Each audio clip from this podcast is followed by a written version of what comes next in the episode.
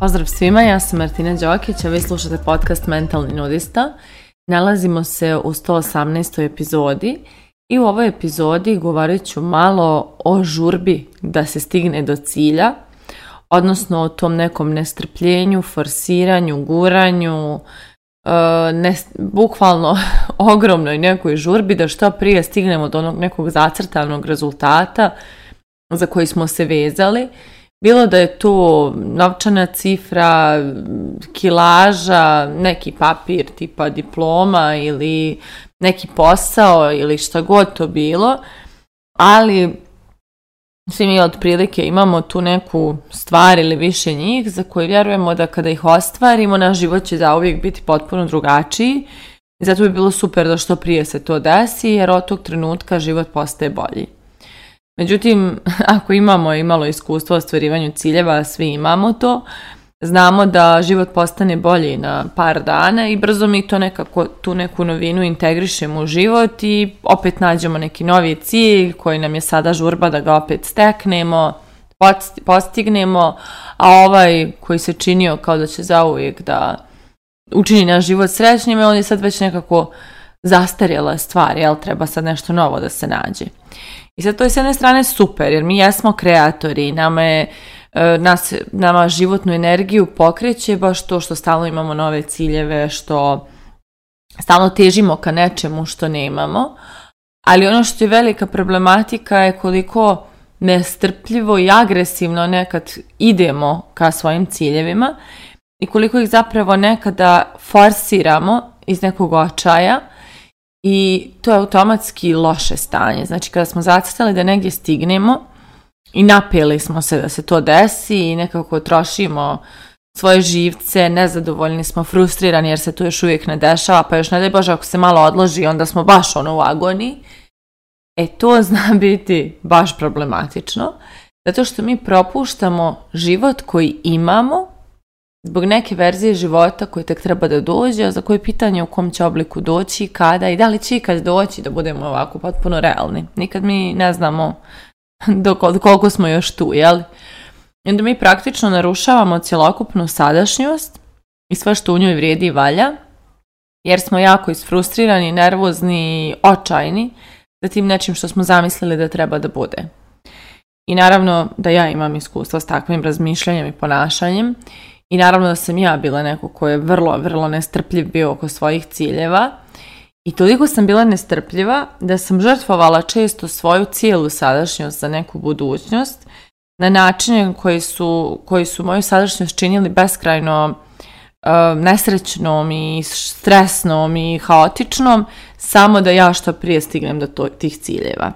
I e, onda mi se desio neki obrt i okret i sada mi je važno da mi je sadašnjost lijepa, a i budućnost obećavajuća.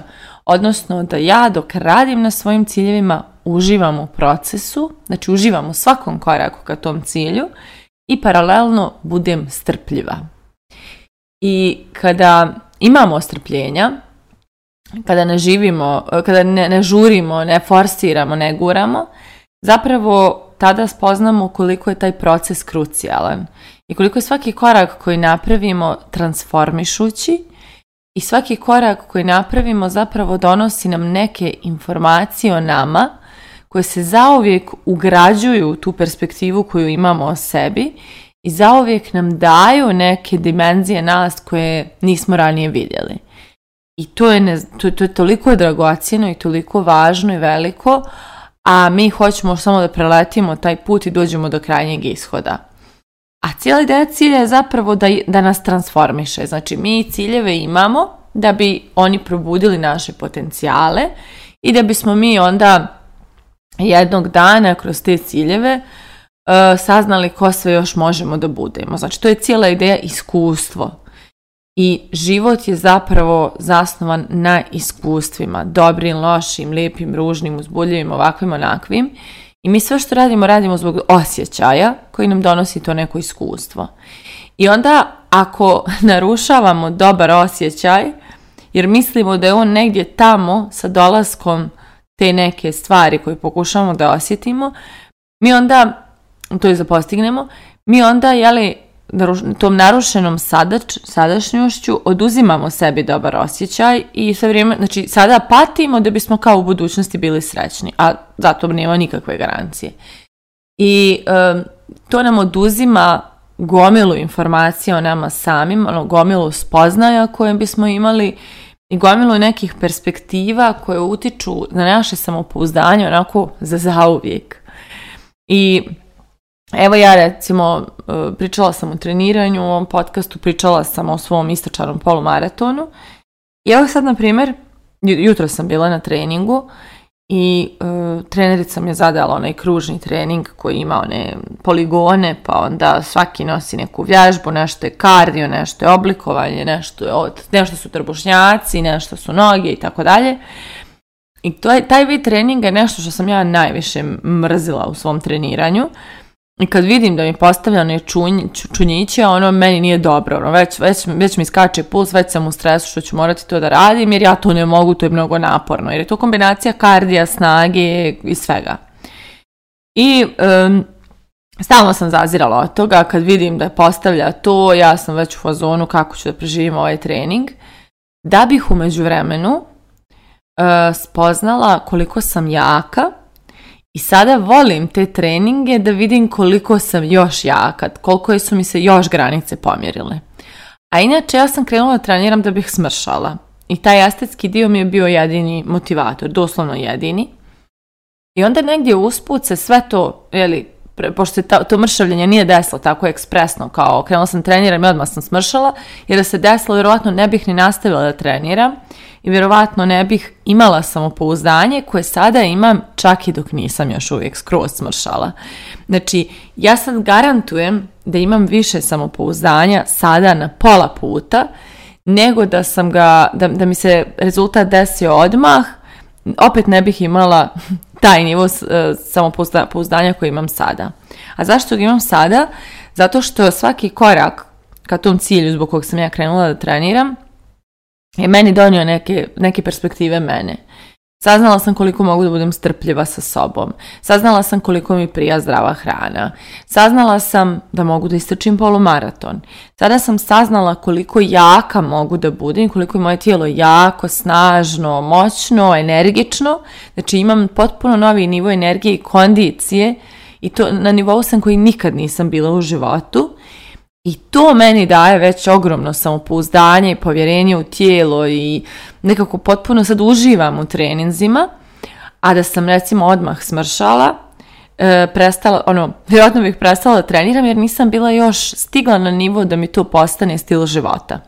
E sada već moje tijelo traži pokret samo od sebe. Znači ja sam bila prošle, prošle nedelje u Beogradu, nisam trenirala jer sam došla da pozavršavam neke poslove i ono ustanem ujutru i osjećam da mi tijelo traži pokret. Ja sebi uključim YouTube istezanje, nešto nađem na YouTube neki video o istezanju i istežem se samo da moje tijelo dobije tu potrebnu njegu koju od mene traži. Tako da evo mene na pola puta tog cilja koji sam zacrtala, a ja prezadovoljna. I nikad sam uvjerenija i nikad se nisam osjećala zgodnijom nego sad. Znači ja se stvarno, ja sam bila 10 kila mršavija nego sad, ili 15 i bila sam stvarno ono e, riba, jeli? Ali ja nisam imala jako tijelo, bila sam samo mršava. A sada imam jako tijelo, em mršavim, em se oblikujem, em saznajem koliko sam ja zapravo super potencijal za sport, čak sam dobila jeli, svoju disciplinu i, i to je jeli, tečenje polumaratona i nekako sve te stvari ja ću zauvijek sada da znam o sebi. I one će zauvijek da budu neki moj primjer da mogu, da u meni postoji kapacitet za transformaciju, da nešto što nikako nisam voljela možda postane nešto bez čega ne mogu i tako dalje. Znači svašta sam ja saznala u tom procesu što je krucijalno. I onda sad više ni ne forsiram cilj. Sad sam u fozonu idemo lagano, kad stignemo do cilja stigli smo, meni je top, ja sam već samouvjerena i zadovoljna. A naravno da sam samouvjerena sada sa svojim tijelom jer imam jako tijelo, imam moćno tijelo. I to mu daje samouvjerenost koju mu mršavost možda ne bi dala.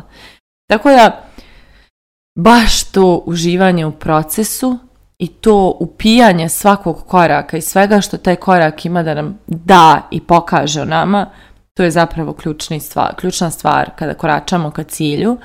A kada forsiramo cilj, mi propuštamo priliku da uživamo u koracima, propuštamo priliku da učimo iz njih i propuštamo enormno mnogo jako bitnih informacija o sebi koje nam taj proces zapravo daje. I to je da kažem negdje i najveći ključ. Ako smo prisutni u svakom trenutku, uživamo u svakom koraku, mi rastemo u mnogo većem intenzitetu nego da smo momentalno ostvarili cilj. Tu uopšte ne bi bio rast. I svaki taj korak nas mic po mic pretvara u tu osobu koja je ostvarila taj cilj. Znači u tu verziju nas koja ima to što smo zamislili da imamo ili postiže to što smo zamislili da postižemo. Tako da, moje pitanje za kraj ove epizode je koji to cilj forsirate umjesto da uživate u koracima. Mislite o tome, a mi se družimo u narednoj epizodi.